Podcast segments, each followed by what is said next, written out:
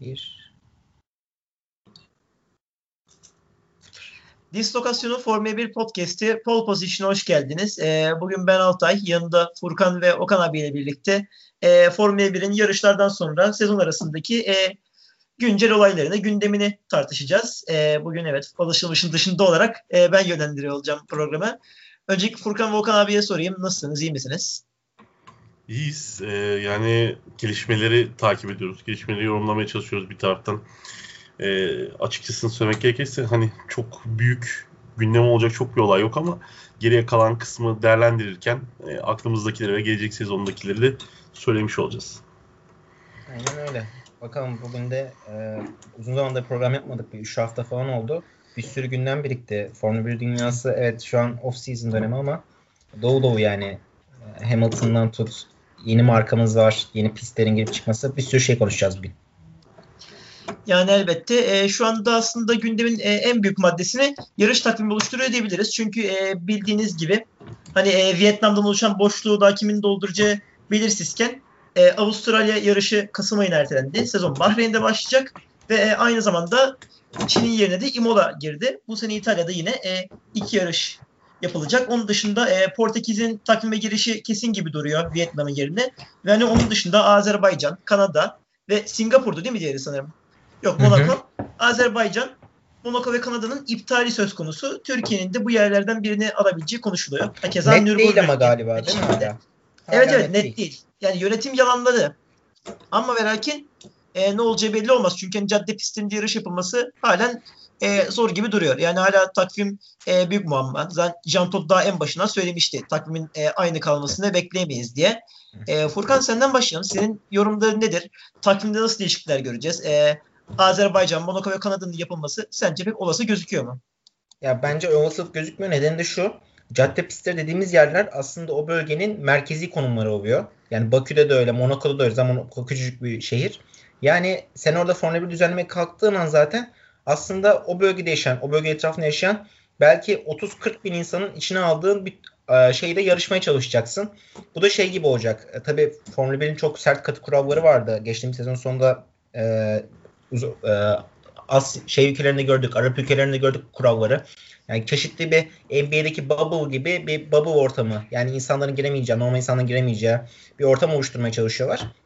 E, bu noktada sen 30-40 bin insanın yaşadığı o çevreye yarış düzenlemeye kalkarsan o insanlara şey demiş gibi bir şey oluyorsun. Siz evinizden çıkmayın bir hafta.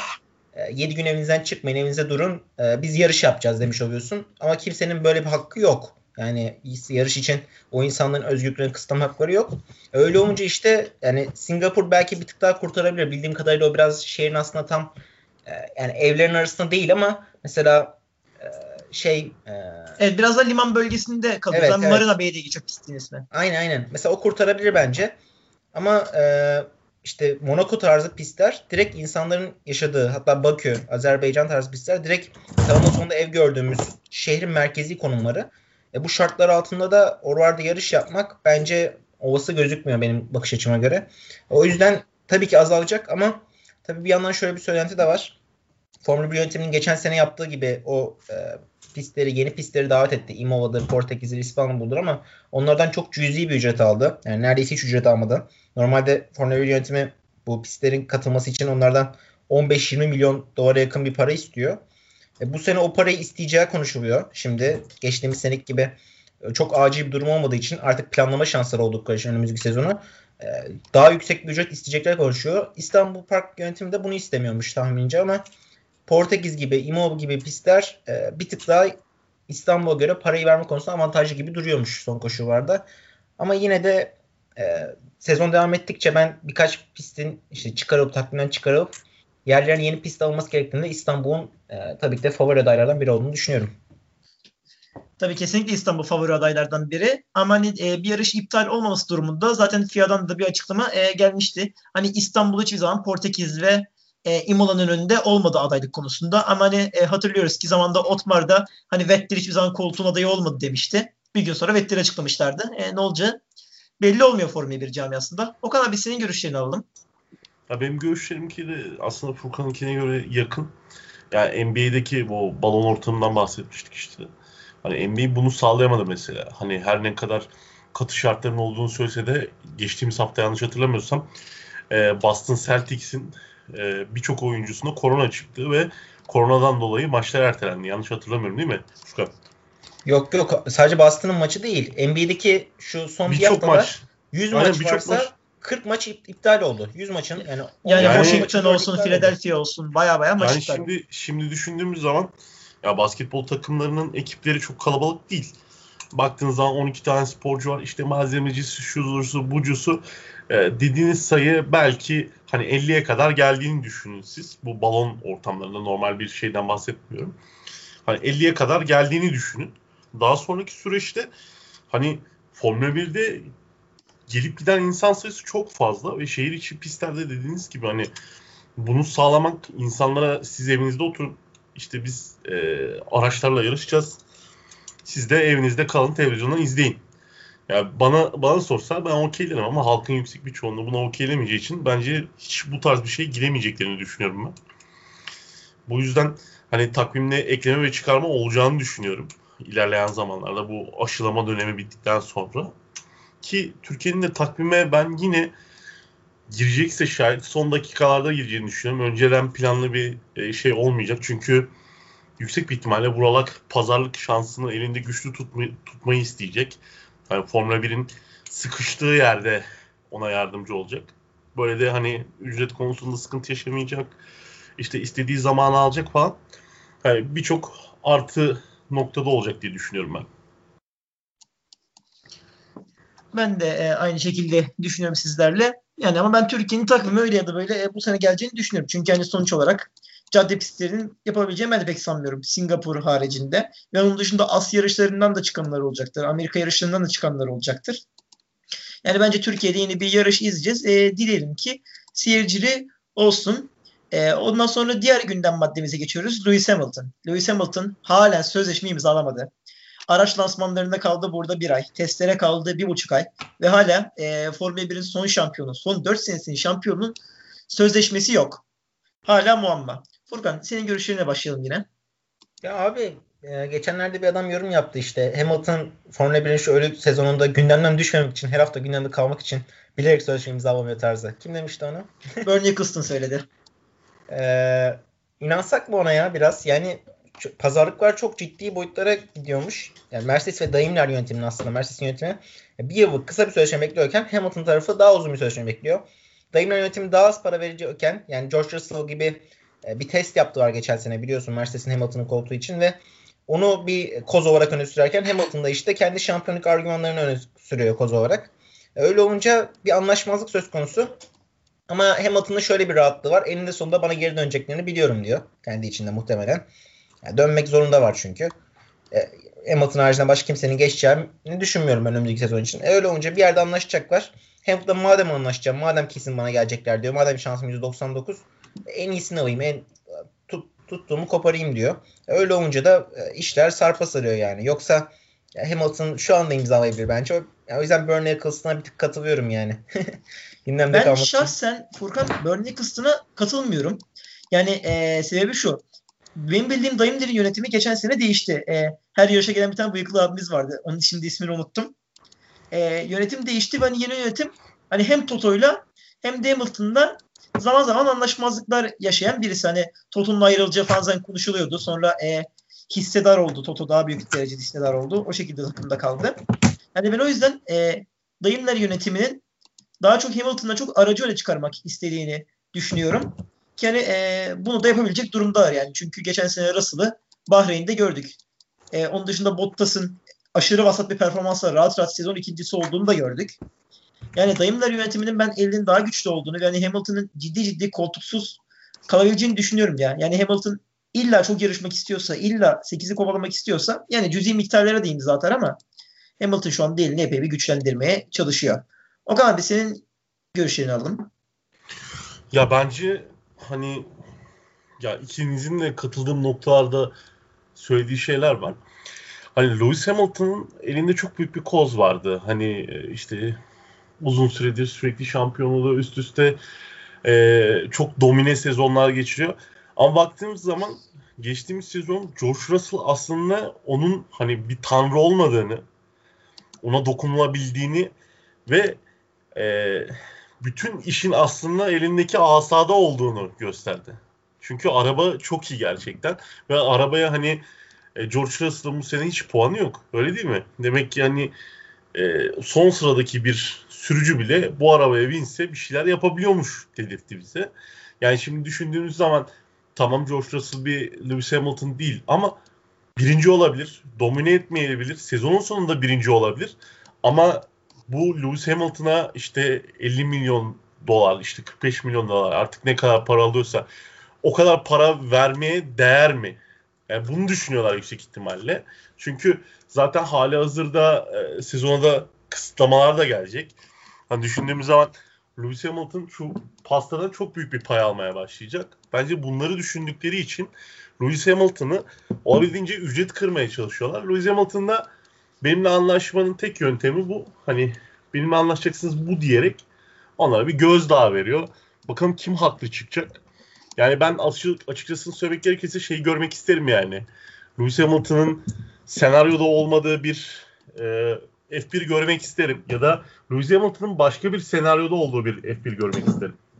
Yani kesinlikle Hamilton'ın yeteneğini daha da fazla görmek isteriz. Aynı zamanda Vettel için söylenmişti. Red Bull dışında bir yerde kendisinin gerçek yeteneğini görmek isteriz diye 2015, 2017 ve 2018'in başlarında mesela bize göstermişti. Hamilton'ı ben de kesinlikle başka bir senaryoda izlemek isterim. Yani F1'de olması gerekiyor. Ama artık bu kadar domine bir araç da olmaması gerekiyor. Yani ben Hamilton'ın dişe diş mücadelede olduğunu görmek istiyorum artık. Bu arada Hamilton'ın e, hani söylenti olarak geçen sözleşme şartlarını da söyleyelim. Yaklaşık 50 milyon gibi miktar istiyor. Sezon sonu şampiyonluk gelirinden %10'luk bir pay istiyor. Mercedes'in marka elçisi olmak istiyor ve hani Mercedes'in son çıkacak prototip aracından bir tane istiyor.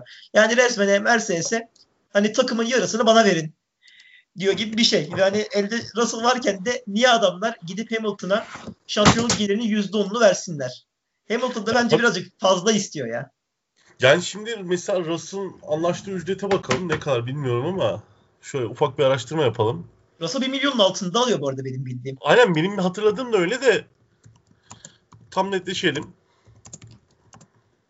Yani Russell hani 1 milyonun altında alıyor. Ben 800 bin alıyor gibi bir şey hatırlıyorum. Hani geçen sene e, Albon da öyle bir şey alarak başlamıştı hatta. E, hani epey bir üzülmüştük Bak, Hamilton'ın 50'sini görünce. George Russell, George Russell 2020 senesinde 1 milyon dolar almış abi. Yani, yani Russell o araçla bedavaya da yarışır. Bak Lewis Hamilton 40 milyon dolarla birinci, Vettel 30 milyon dolarla ikinci, Max Verstappen 25 milyon dolarla üçüncü, Ricardo 20 milyon, Leclerc 10 milyon, Bottas Sainz Perez 8 milyon, e, Grosjean 7 milyon, Esteban Ocon, Kimi Raikkonen, Kevin Magnussen 5'er milyon, Lance Stroll 3 milyon, Albon 2,5, Norris Kiat Gazdi 2 milyon, Giovinazzi, George Russell Latifi 1 milyon. Yani düşündüğümüz zaman şimdi yani 40'ta biri bir oranla hemen hemen aşağı yukarı aynı başarıyı sağlayabilecek şey durumdaysanız düşünürsünüz yani. Kısarsınız şeyinizi. Cebinize bakarsınız dersiniz ki ya buna ihtiyacım yok benim. Hamilton bence bunun farkında değil. Yaşı da geçiyor. Hani belki ona bir sene kontrat teklif edilmemesi onun kariyerini bitirebilir. Bunun da farkında değil bence Hamilton. Umarım e, şey görürüz yani. Farklı bir takımda Hamilton görürüz yani. Herkesin beklentisinin dışında. Yani kesinlikle katılıyorum. Yani Hamilton'ın e, artık yani ne olursa olsun e, kendisinin Formula 1'e muhtaç olduğunu e, hatırlaması lazım. Çünkü hani Hamilton çıktığı bir senaryoda Leclerc, Verstappen, Russell hatta hatta Bottas bildiğin şampiyonluk e, mücadelesinin içine girecekler. Hani bu mücadelede isimleri geçecek. Ve hani çoğu Formula 1 sürücüsü Hamilton domine ettiği sezon bunu tercih eder diyorum. E, ve hani bir sonraki gündem maddemizi de Furkan'dan almak istiyorum artık. Geçelim. Ne abi gündem maddemiz? İşte dediğim gibi hani e, fazla bir gündem olmadığı için hani ben de bu iki gündem maddesi dışında şahsen Şimdi takip ben, edemedim. Alpin. Ben aynen ben onu söyleyecektim. Ufak bir gündem maddesi olarak. E, Alpine geçelim. E, Renault'un tamamıyla e, artık kapanması, Alpin e, hem adını alıp hem de birçok parasını alıp bu işe devam etmesinden bahsedelim ve Serla Abitul'un görevinden alınmasından bahsedelim isterseniz. Evet yani e, Alpin baktığımızda yeni kimlik değişimi CEO değişti, takım yöneticisi değişti, yarış direktörü değişti. İşte Sayra Abutebi başta e, takımın CEO'su olarak düşünülüyordu ama e, onun da Renault'dan e, yani motor sporları işinden uzaklaştırdığını görüyoruz yarış sporları için. E, yerine de e, 6 ayda yakından takip ediyor MotoGP'de bilir. E, Suzuki takımında. Davide, da, Davide Brevio. Evet. E, o da çok kariyerli bir isim. Valentino Rossi'nin o e, şaşalı sezonlarında yanında olmuş bir isim. Ya, değil mi? Yanlış bilmiyorsam. E, takımı son 5 senede yeniden yapandırıp bu sene MotoGP'de kendi takımını şampiyonluğa götüren bir isim. E, ama Formula 1 ile MotoGP tabii ki de farklı camia var. Farklı e, dünya var. O noktada ben de çok merak ediyorum. Acaba bunun alttan nasıl kalkabilecek diye ama e, yeni Renault'un yeni CEO'su Luca De Meo e, çok övdü e, bir İtalyan olarak e, kendi vatandaşını. O da İtalyan çünkü. İşte bu İtalyanların spor açısından e, en iyi isimlerinden biri olduğunu falan söyledi. Ama e, dediğimiz gibi bence çok farklı şeyler Formula 1 ile MotoGP ve e, takımın yeni kimliğinde e, aslında önümüzdeki seneki kurallara baktığımızda bu sene bir geçiş süreci seneye sıfırdan kurallar olacak. Şimdi olan arabaya konacak muhtemelen tabii ki de yöneticiler olarak bu yeni ekip ama e, olan arabanın geliştirilmesi konusunda bir takım aksamalar yaşanabilir mi? Ya da önümüzdeki 2022 arabasının gelişiminde ne derece etkisi olabilir bu yeni e, yöneticilerin? Ben çok merak ediyorum. E, nasıl bir etki yapabilirler? E, ama e, yani geçmiş sinyallere baktığımızda umut veriyor tabii ki de. Onun haricinde Alpine'in yeni renk düzenini gösterdiler ama geçici bir renk düzeni olduğunu söylediler. Siyah ağırlıklı. Geçen arkasında. sene de aynısını yapmışlardı ya. Ben Renault'un yani Alpine'in bu huyunu hiç sevmiyorum. Araç tanıtacağız diyorlar. Ondan sonra simsiyah bir şey gösterip bırakıyorlar. Evet evet yani ama değişecek yani değişeceğini doğruladı yine yöneticilerden biri. Ee, o yüzden şey merak ediyorum şahsen. Ee, Alpine'in yeni tasarımını merak ediyorum. Çok kişi beğenmedi ama internetten baktığım kadarıyla bu siyah ağırlıklı düzeni. Neden beğenmediler anlamadım. Bence güzel. yani güzel ama hani prototip olduğu için kalıcı ol, e, olmayacağını bildiğimiz için ya ben hani pek beğenmedim. Çünkü geçen sene de araç tanıtımı yapacağız dediler. Simsiyah. Hı-hı. Geçen senenin aracını siyah boyu, boyayıp araç tanıtımı diye söylediler. Yani o nasıl araç tanıtımı oluyor? Aracın Bence normal renk yüzünü göremedik şey ya, süre. Hazır, hazırlanmadığını düşünüyorum ben ya. Hani e, bazen bazı şeyler yetişmediği için buna vakit kalmadığını düşünüyorum açıkçası söylemek gerekirse. Şey hani işte bu sefer ellerinde aynen ya aslında bu sene ellerinde böyle bir imkan varken bunu yapmaları çok saçma oldu yani. Evet evet. Yani o yüzden o da merak konusu oldu. E, bakalım bunun Şubat'ta tanıtımlar başlayacak. Herhalde ilk olarak 22 Şubat'ta şeyle başlayacaktı. Alfa Romeo olması lazım. Polonya'da, evet. Varşova'da. O da Kubica'nın e, bir reklam şeyi herhalde. Varşova'da olması onun. Kubica test pilotluğuna devam edecekmiş. E, Zaten takımın adı e, Alfa Romeo Orlen. Hı hı.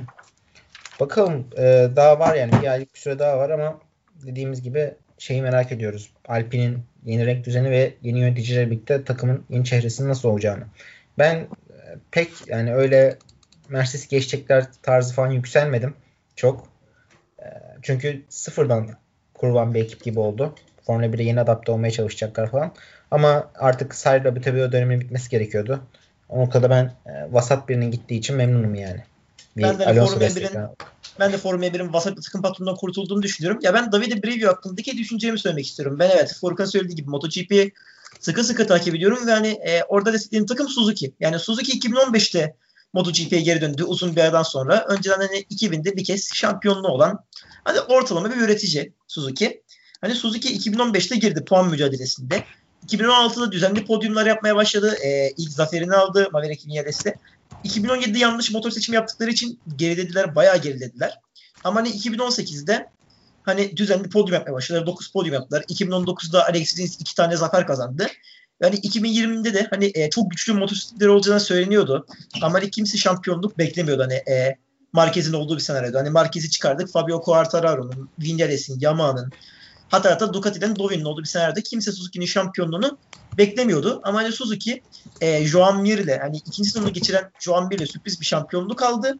Hani hem markalarda hem de pilotlara şampiyonluk aldı. Çıktı şampiyonluk. Hani Davide Brivio'nun bunda payı büyük. Yeniden yapılanan bir takımda ne kadar başarılı olabildiğini gösterdi. Pilotların arasındaki mücadeleyi çok iyi yönetti. Hani gerektiği zaman Rins Mir'e yardım etti. Gerektiği zaman Mir Rins'e yardım etti. Hani e, epey iyi yönetebilen e, bir yönetici Davide Brivio pilotlarını. O yüzden ben Alpine'e gerçekten büyük katkılar yapacağını e, düşünüyoruz. Yani yeniden yapılanma tecrübesi olan birisi. Pilotlarla arasını iyi tutabilen birisi. Ve hani bence Alonso gibi e, doyumsuz, her zaman en iyisini isteyen, her zaman en başarılısını isteyen bir adamı da e, bence yönetebileceğini düşünüyorum. Yani Briatore'den sonra ilk kez bu kadar iyi bir takım patronuyla çalışacak desek Alonso yeridir. Okan abi senin görüşlerin nedir acaba Alpine ve Brivio hakkında? Benim düşüncem de şu hani Brivio hakkında şöyle şunu söyleyebilirim. Ee, ya ben mesela tasarımcıyla, mühendisle takım patronunun çok ayrı şey, şey e, takım yöneticinin çok ayrı şeyler olduğunu düşünüyorum. Yani mesela iyi bir mühendis olabilirsiniz. Çok iyi bir e, aerodinami tasarımı yapabilirsiniz. Çok iyi bir tasarımcı olabilirsiniz. Çok iyi bir motor yapabilirsiniz. Ama iyi bir takım yöneteceğiniz anlamına gelmez bu. Bu çok farklı bir iş. E, senin de söylediğin gibi hani e, Davide Brivio'nun önünde çok büyük bir şey var. Hani CV'si çok iyi gerçekten. Çalıştığı isimler belli. Valentino Rossi ile uzun yıllar beraber şampiyonluklarda çalıştığı için e, çok doğru bir insan olduğunu düşünüyorum. Çünkü yani Fernando Alonso griddeki en zor anlaşılabilecek e, direkt en zor anlaşılabilecek pilot, pilot yani. Direkt en zor. Diyebilirim yani. Herhalde bunun arkasına hani herhangi bir kimse de bana acaba aa sen neden bunu diyorsun diyemez. Çünkü yani Fernando Alonso'nun daha önceden takım patronu yolladığı işte şey takım direktörü yolladığı birçok olayı biliyoruz. Ve e, isteklerinin yerine gelmediği zaman çok sinirli, telsizle bunu sürekli ileten, kimseden çekinmeyen, basına konuşurken hiçbir şekilde çekinmeyen bir insan olduğunu biliyoruz. Ya demek ki Davide Brivio'nun e, Rossi gibi bir şampiyonla çalışarak böyle bir insanı yönetebileceğini ben düşünüyorum. Ve e, yani ben de Furkan'ın söylediğine katılıyorum yani büyük bir işte Mercedes'i geçeriz, şöyle yaparız, böyle yaparız, böyle buna inanmak için biraz açıkçası söylemek gerekirse aptal olmak lazım. Çünkü hali hazırdaki e, çok büyük bir kurulu düzenle Mercedes ne yapacağını ne için çok iyi biliyor. Siz başa geliyorsunuz ama aşağıdaki insanlar hani sizin yönetiminizi bekliyor. Hani biraz daha değişik bir iş bence bu. Ama ben e, her türlü Renault için e, pozitif olduğunu düşünüyorum bu değişikliğin ve Charles Büttel'in gerçekten artık gitmesi gerektiğini düşünen insanlardan birisiyim ben de. Çünkü seneler önceki başarıların ekmeğini yiyerek yıllarca burada kaldı ve e, artık gitmesi gerekiyordu. Ki şu an bence e, F1'de birçok insan öyle. Sadece takım patronları için söylemiyorum. İşte tasarımcılar, şunlar bunlar bence yer değiştirilmeli. Çünkü çok büyük bir değişim olması gerektiğini düşünüyorum ben. Çünkü hali hazırdaki ekiplerdeki köhnemiş yapı e, Mercedes'in işine çok geliyor düzenlerini istedikleri gibi oturtabiliyorlar. Yani kesinlikle buna katılıyorum. E, ve Mattia Binotto'nun da sıra, e, ilk sırada olduğunu düşünüyorum bu konuda her zamanki gibi. Ya mesela mesela düşündüğünüz zaman Binotto'nun yaptığı tasarımına bakalım. Mesela e, SV 2017'yi e, bu senin çok sevdiğin Vettel'in 2017 senesindeki aracın e, tasarımını o yapmıştı. Şimdi biz Binotto'ya diyebilir miyiz ki hani Binotto iyi bir tasarımcı mıdır? Binotto iyi bir tasarımcıdır. Bunu diyebiliriz. Kesinlikle iyi bir tasarımcı. Ama Binotto iyi bir takım patronu mudur? Bunu söyleyemeyiz. Yani yönettiğiniz takım 3 e, senedir herhangi bir şekilde e, kafaya oynamıyor. İşte hiçbir sürücünüz kafaya oynamıyor. Hani aldığınız birincilikler sayılı. Hani baktığınız zaman çok üstün bir performansınız yok. Ve Ferrari gibi bir takımla böyle bir şey yapıyorsunuz yani. Başka bir takımda olsa kimse mesela kimse Günter Steiner'e çıkıp da demez ki ya sen ne yapıyorsun? Hani demezsin. Çünkü elindeki imkan belli, şeyin belli yani. Bu yüzden hani e, inşallah benim düşünceme göre bazı takımlar da bunu örnek alır ve değiştirir cesur hamlelerle. Kesinlikle katılıyorum ve e, bir sonraki takımımıza geçiyorum. E, önemli takım yine. Aston Martin e, yıl başında bir tanıtım yapacağız, tanıtım yapacağız diye insanları heyecanlandırdılar. Bence sadece e, yeni siteleri açıldı. Yemyeşil bir tane ekranla birlikte. Instagram ve Twitter adresleri değişti. Daha sonra birkaç gün sonra da Vettel ve Stroll'ün e, yani yeşil tulumla fotoğrafını yayınladılar gibi bir şey oldu yani. E, kafalarının üstlerini yayınladılar yeşil tulumla birlikte. Yani Aston Martin heyecanlandırıp hiçbir şey göstermemeye devam ediyor. Ama hani sadece bu kadarı bile e, insanları heyecanlandırmaya yetti. Yani ya e, Aston Martin güzel geliyor ya. Lafını böleceğim. Olcay Tuncay Karabulut'un e, böyle çalışmaları var işte. Formula 1'de bu takım böyle olsaydı, şu takım böyle olsaydı diye. Instagram'da şeyleri var. Yani açıkçası söylemek gerekirse onun beni heyecanlandırdığı kadar bu olay beni heyecanlandırmadı. Çünkü yeni yıla ben bekleyerek girdim açıkçası. Çünkü bakıyorum böyle saate sürekli açıklanacak mı açıklanacak mı hiçbir şey olmadı. Sadece yeşil yazılar Aston Martin F1 yani bunu ben de yaparım. Benim de yapabileceğim bir şey. Yani çok vurucu bir olay olduğunu düşünmüyorum açıkçası söylemek gerekirse bunu.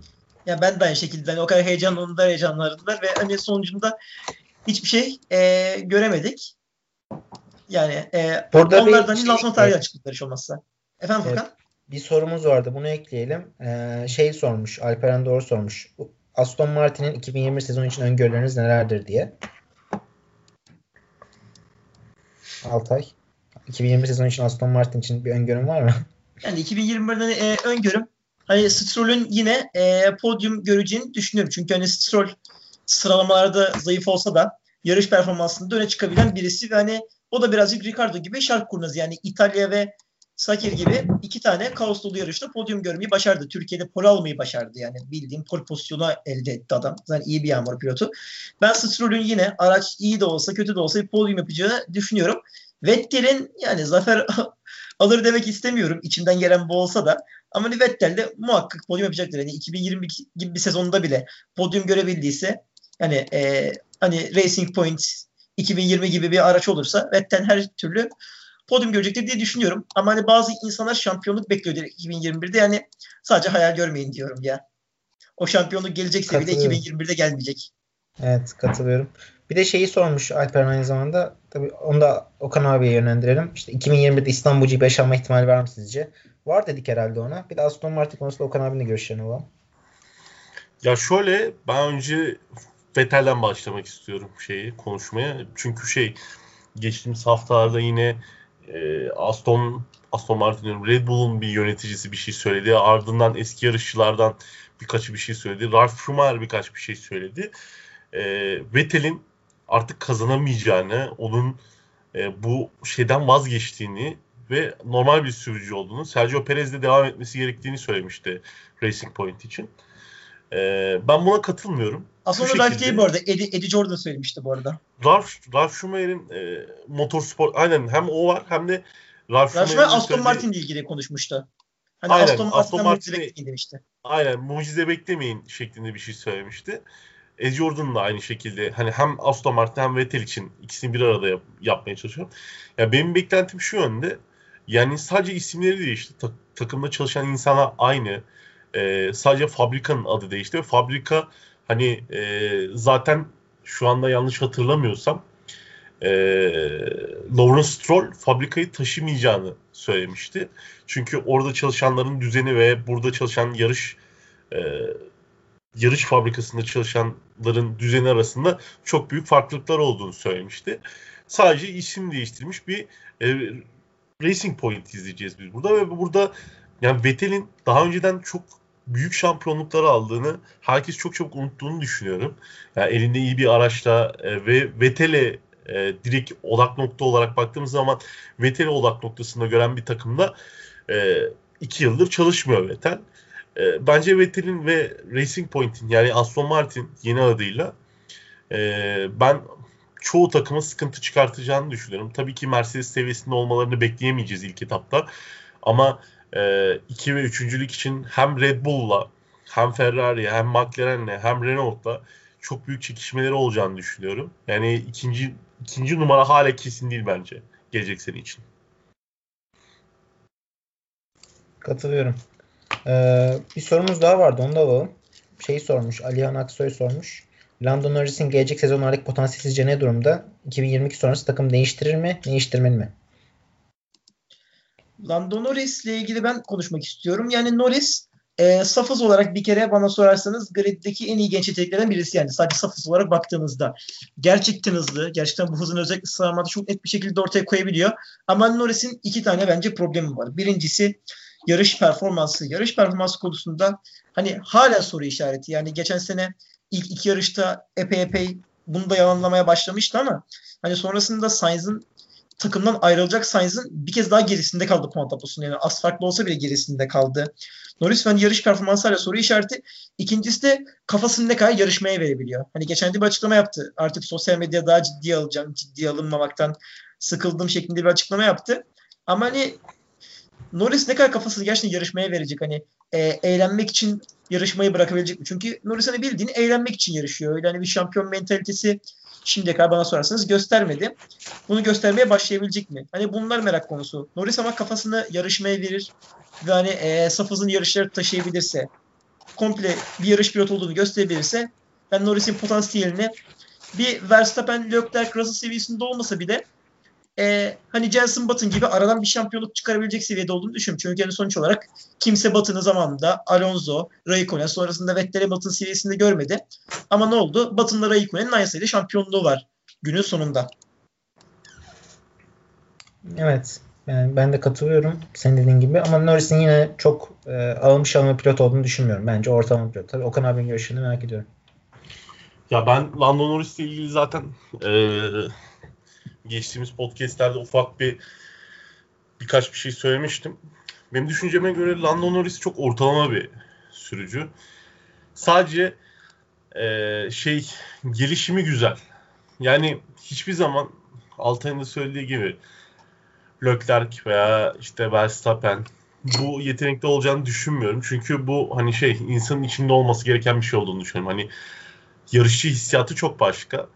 Senenin başında da mesela geçtiğimiz sene hep işte 10 ve 7. sıra arasında oynayan bir e, Norris izlemiştik. Hep buralarda yer aldı. Bu sene e, bazı yarışlarda mesela öne geçme şansı olduğu zaman ne kadar sinirlendiğini gördük biz. Lando Norris'in aslında daha hani mental olarak da tam manasıyla olgunlaşmadığını görmüş olduk aslında. Çünkü hali hazırda elinde eğer şampiyonayı kazanabilecek bir araba olsa çok farklı bir kişiliğe görüne, bürünebileceğini gör, görmüş olduk yani. Bu yüzden hani Lando Norris'in e, mental olarak tam manasıyla olgunlaştığı bir senaryo çok farklı bir senaryo olabilir.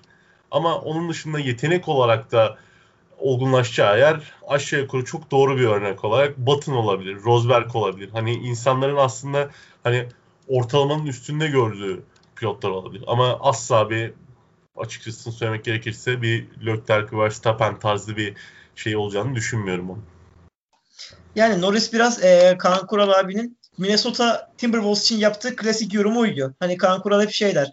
E, Minnesota Timberwolves hani eğlenmek için, oynamak için oynuyor. Aslında hani bir hedefleri yok. Hani Norris de sanki hani e, geliyor, yarışıyor, eğlencesine bakıyor, gidiyor gibi bir izlenim bıraktı şu ana kadar benim gözümde ya şahsen. Ya zaten hani şu an e, takım arkadaşı da Daniel Ricardo.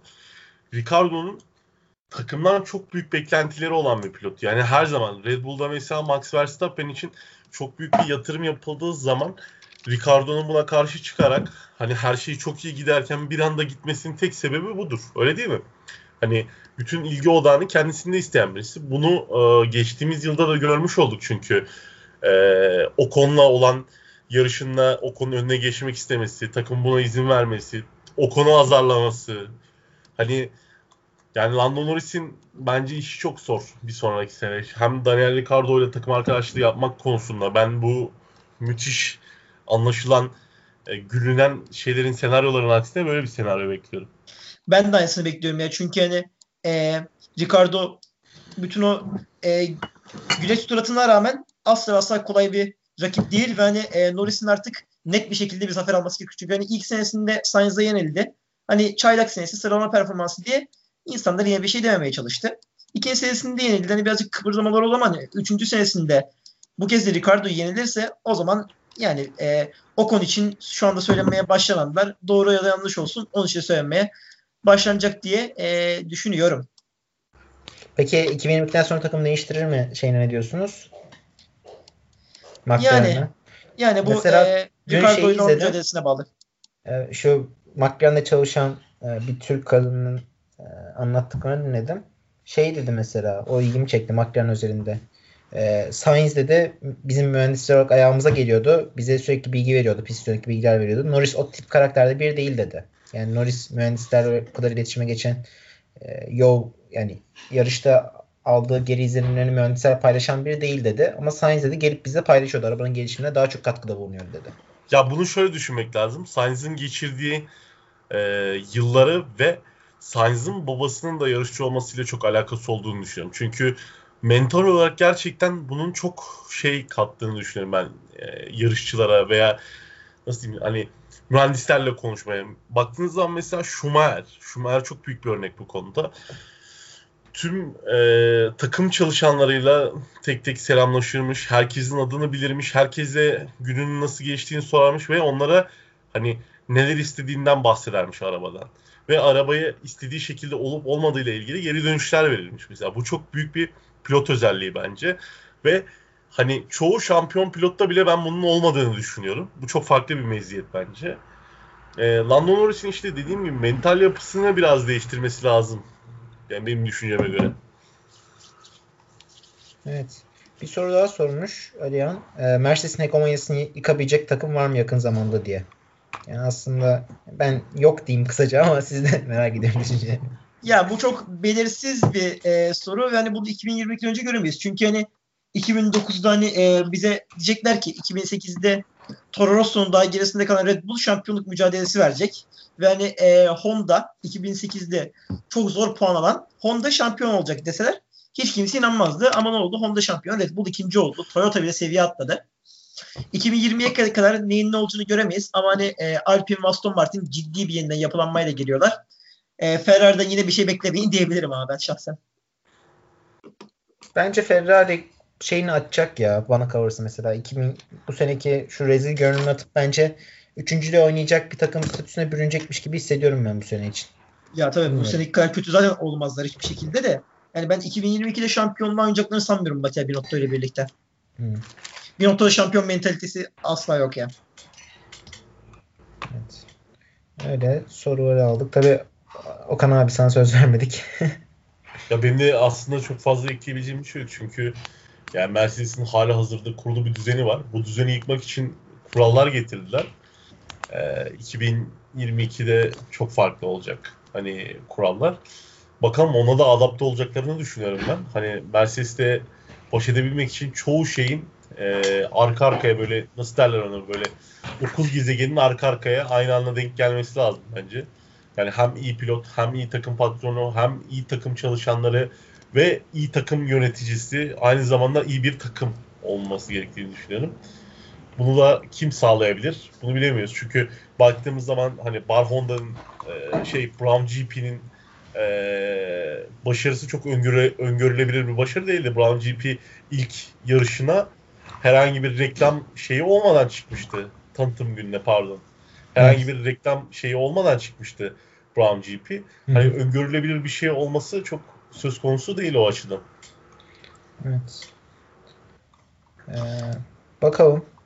Ee, şeyi konuşmadık. Mazepin'i konuşmadık. Bir tek Mazepin'i konuşalım. Önce şey demiş. İsterseniz ee, şeyi de konuşabiliriz. EcoStone'un V8 motorlara geri dönülmesi gerektiğini söylemişti. Onu da abi bahset ondan sen. Ondan kısaca bahset sonra Mazepin'e geçelim. Çünkü EcoStone az önce ben de konuştuk biraz ya. Biraz şey arada kaldık. Sen bahsedebilirsin. Ecclestone e, geçtiğimiz hafta bir açıklama yaptı. Artık Formula 1'in bence turbo hibrit dönemden sıyrılıp seyircileri daha çok heyecanlandıran V8'li ve 10'lu günlere dönmesi gerektiğini söyledi. Ee, ve buna hani birçok yerden yorum geldi. Siz neler düşünüyorsunuz bu konu hakkında? Ben merak ediyorum açıkçası. Altay. Yani Altay. V8 motorlara dönülmesini elbette biz isteriz. Çünkü hani V6 motorlarda ne ses var. Yani e, öyle yani evet gelişime açık. Evet üreticiler için gerçekten büyük bir avantaj ama hani seyirciler için gerçekten tatsız ve hani yeni e, üreticilerin girmesinin önünde de çok büyük bir engel. Yani hiç kimse çünkü Honda'nın yaşadıklarını yaşamak istemiyor. Honda 4 sene rezillik çekti yani e, herhangi bir başarı elde edene kadar. Hani bildiğin Fernando Alonso ile kapışarak geçirdiler ilk 3 senelerini. Sonra hani Toro Rosso ile toparlanmaya başlayabildiler önce Gazli ile birlikte. Yani hiç kimse onunla yaşadıklarını yaşamak istemiyor. O yüzden V8 gibi hani e, daha basit ve hani daha taraftar dostu motora dönülmesini ben isterim. Ama hani yani teknolojinin gelişimi açısından, üretici açısından bunun mümkün olmadığı da yani ortada. Yani Eccleston birazcık gündeme gelmek istiyor diyebiliriz. Yani Formula 1'i özlemiş Eccleston. Aynen bir de baba falan oldu ya yeni. Kafası başka şeylerde de şimdi Ondan sonra Yani bir- Formula 1'i e, özlemiş, o ortamı özlemiş. İlgi odağı olmayı özlemiş biraz. Ben yaşına Bence de. artık gelmeye başladı. Hani yaşı 90 geldiği yaşında. 90 yaşında yaşı geldiği artık geçti. Hani Eccleston'a e, hani çocuğunu sevmesini tavsiye ediyoruz kendisini sevsek de. Yaştan sonra. Katılıyorum. Ya ben fazla bir şey eklemeyeceğim. Mümkün değil yani. Sa- sallamış kafadan, Volkesi'den atmış. Ben şey diyecektim. Mazepin'e konuşalım biraz. Ee, evet. kendisine Rus olduğu için ayrımcılık yapıldığını düşünüyormuş. Ee, şeyin falan kendi Rus milliyetçi o yani daha önceki Rus pilotları, Kvyat'tır, Sirotkin'leri onlara Formula 1'in iyi davranmadığını, takımların, sürücülerin iyi davranmadığını ve kendisinin iyi davranılmayacağını düşünüyormuş. Herkesi rakibi olarak görüyormuş böyle. Herkese aslında bir nefret varmış içinde yani. Yok Kiyata for, yok Kiyata Formula 1 gayet iyi davrandı. Yani Kiyat gayet destekçileri de e, olan bir pilottu hani. Hani Hatalarına kendisi rağmen. ya hatalarına rağmen hani e, 2016 Çin'de yaptığı antipatik açıklamaların arkasına Vettel'e vurmasına rağmen hani ne olsa olsun Kiat hani sevilen bir pilot oldu. Yani Kiat'ın gittiğine de çok kişi üzülüyor. Hatta hatta en son Kelly Piquet meselesini de biliyorsunuz. Ondan sonra baya baya bir kamuoyu topladı arkasında Kiat. Yani Kiat gayet sevilen pilottu. Onun öncesi Petrov'u pek bilmiyorum ama Sirotkin de sevilen bir pilottu. Öyle ya da böyle. Yani Mazepin sevilmiyorsa kendi e, karakteri yüzünden ve hani Formula 2 gridinde kendisinden yetenekli en azından 3 sürücü vesaire bulunmasına rağmen burada olduğu için sevilmiyor. Yani 2011 Monaco Hamilton açıklamalarını yapmayı bıraksın. Onların modası geçti. evet. Hamilton'a şey demişti hani e, siyahi olduğum için ben de bu kadar uğraşıyor demişti. Hı hı. Ya bilmiyorum bence orada bir tık kan çıkacakmış gibi hissettiriyor bana. Ee, Mazepin, özellikle Mazepin ile Schumacher arasında mesela onun nasıl dengesi sağlayacak Günther Steiner onu da merak ediyorum. Çıkacağı Ama yine ben- çünkü e, Mazepin Mick Schumacher'ı da sallamış. Hı hı. Ee, bakalım. Bir de şeyi tabii ki de konuşalım. Ee, Cem Bölükbaşı Asya Formula 3 serisinde tam zamanlı olarak yarışacakmış bu sene ilk defa. Ee, bunun hakkında düşünceniz neler? Ben bunun hakkında yorum yapmak istemiyorum ya. Çünkü yaparsam pek hoş yorum olmayacak. Pek e, Cem Büyükbaşı'nı pek sevdiğimi söyleyemem. O yüzden Okan abiye bırakıyorum burada yorumu. Ya şöyle yanlış hatırlamıyorsam e, geçtiğimiz yıllarda birisi bu klasmanda yarışabilmek için e, ne kadar para harcanması gerektiğini, ne kadar bütçesinin olması gerektiğiyle ilgili bir çalışma yapmış işte. 1 milyon dolarlık bir bütçe gerekiyormuş işte 5 yarış için. Yani bence bunun bulunması Türkiye adına çok güzel bir şey. Ee, hani yani Altay'ın söylediğinin aksine hani Cem Bölükbaşı'nı sevip sevmemek çok önemli bir nokta değil ama Türkiye için bence Türk yarış sektörü için çok önemli bir olay. Ya çünkü baktığımız zaman e, birçok yarış sektöründe aslında başarılı insan var. Ayhan Can Güven var. İşte Cem Bölükbaşı var. Hani online ortamda olduğu zaman birçok e, işte MotoGP'de Toprak Rozgatlıoğlu var. Hani birçok insan var bu sektörde ama ne yazık ki e, çok fazla destek alamıyorlar. Bence bu çok önemli bir şey. E, hani bir kamuoyu oluşturabilmek, bir network oluşturabilmek açısından. Umarım orada Cem Bölükbaşı güzel şeyler yapar. Hani ben açıkçası söylemek gerekirse realist düşünüyorum. Cem Bölükbaşı için bazı defterler kapandı. Ama Cem Bölükbaşı'nın arkasından gelecekler için çok önemli bir şey bence bu. Bilmiyorum ben o parayı bulup bulmadığından emin değilim. Çünkü sponsor olmak isteyen bana mailime ulaşsın demiş de acaba parayı buldun mu Ee, o da ilk tabii şüphe. Ya, bilmiyorum. Bence Türkiye için iyi bir olay. Yani en azından Formula 3 serisinde bir Asya serisinde bir tane yarışçımız olsun. Yani şeyler var tabii ki Salih Yovuç var, Ayhan Can Güvenler ama e, Formula 1 tarzı araba statüsünde hiç yarışçımız yoktu Formula 2'de 3'te herhangi bir serisinde. O yüzden iyi, iyi oldu bence. Ama e, çok da ben de içi dışı olmadığım için Altay gibi pek bir şey diyemeyeceğim. Bakalım en azından e, ülkemiz açısından umut verici bir gelişme. Ama Formula Renault performansına baktığımızda şeyin Cem Bölükbaşı'nın çok da parlak değildi aslında. Bakalım ne olacak merak ediyorum ben de. Yani, Yani umarım başarılı olur ama bir Ayhan Can olacağını sanmıyorum ya. Bir Ayhan Can kadar da Ya- olacağını sanmıyorum. Mesela şimdi düşündüğün zaman farklı farklı araçlar yani Ayhan Can Güven'in sürdüğü araçta Renault GT'de e, GT3'te Cem Büyükbaşı'nın sürdüğü araçta çok büyük fark var ve yağmurlu bir pistte sürmüştü o gün. E, yani benim düşüncem şu yönde Cem Büyükbaşı'nın hani gerçekten hani bazen şey yapmanız gerekir. Siz hiçbir şey yapamasanız bile arkanızdakilere bir yol açmanız gerekir. Belki birisi sizin açtığınız yoldan çok daha büyük bir yolla, daha güzel bir yolla gelecek. Ama sizin oraya hani suyun gitmesi için gerekli olan o ufak noktayı bulmanız lazım. Bence Cem Bölükbaşı şu anda onu yapıyor. Hani ne kadar yetenekli, ne kadar iyi onu bilemem. Ee, belki hani Formula 1'de yarışsa hiçbir şey yapamayacak. Belki yarışsa çok şey olacak. Ama şu anda hani benim düşüncem pozitif bu konuda. Hani e, umarım daha da pozitif olur. Çünkü arkasından gelen birçok arkadaşımız var yani karting yapan, karting sektöründe uğraşan birçok genç arkadaşımız var. Ee, Avrupa'da diğer yaşıtlarıyla yarışıp birinci olan ama ne yazık ki ellerindeki imkansızlıklardan dolayı sadece kartingde kalan. Ya da kartinge çok geç başlayıp bu işlerden çok erken e, bir şekilde ayrılan arkadaşlarımız var yani. Evet. Bakalım. Var mı ekleyeceğiniz bir şey ya? Kapatalım bence programı. Evet ekleyeceğim bir şey yok. Zaten çok geçen senelere göre durgun bir gündem olduğunu söyleyebilirim ben. Yani çünkü geçtiğimiz senelerde e, hani sözleşme muhabbetleri vesaire olurdu. Hani kim nereye yanaşacak, kim nereye yanaşacak. Hani bunların hepsi aylar öncesinden bittiği için şu anda bir tek elimizde e, hani Hamilton'ın sözleşme draması var diyebiliriz hani takım dışarısı, dışında. O yüzden durgun bir off season oluyor geçtiğimiz sezonlara göre. Ve lansmanlar da bir nevi geç başlayacak. Çünkü hani normalde Şubat'ın başında lansmanlar başlardı. Bu kez Şubat'ın 3. haftasına kadar sarkmış durumda. Yani ben Haas'ın e, 2019'da 7 Şubat, 8 Şubat gibi araç tanıttığını hatırlıyorum. Hani şimdi bakıyoruz 22 Şubat, 23 Şubat deniyor. Aston Martin Mart'ta vesaire diyor. Sezon zaten 28 Mart'ta başlayacak sanırsam.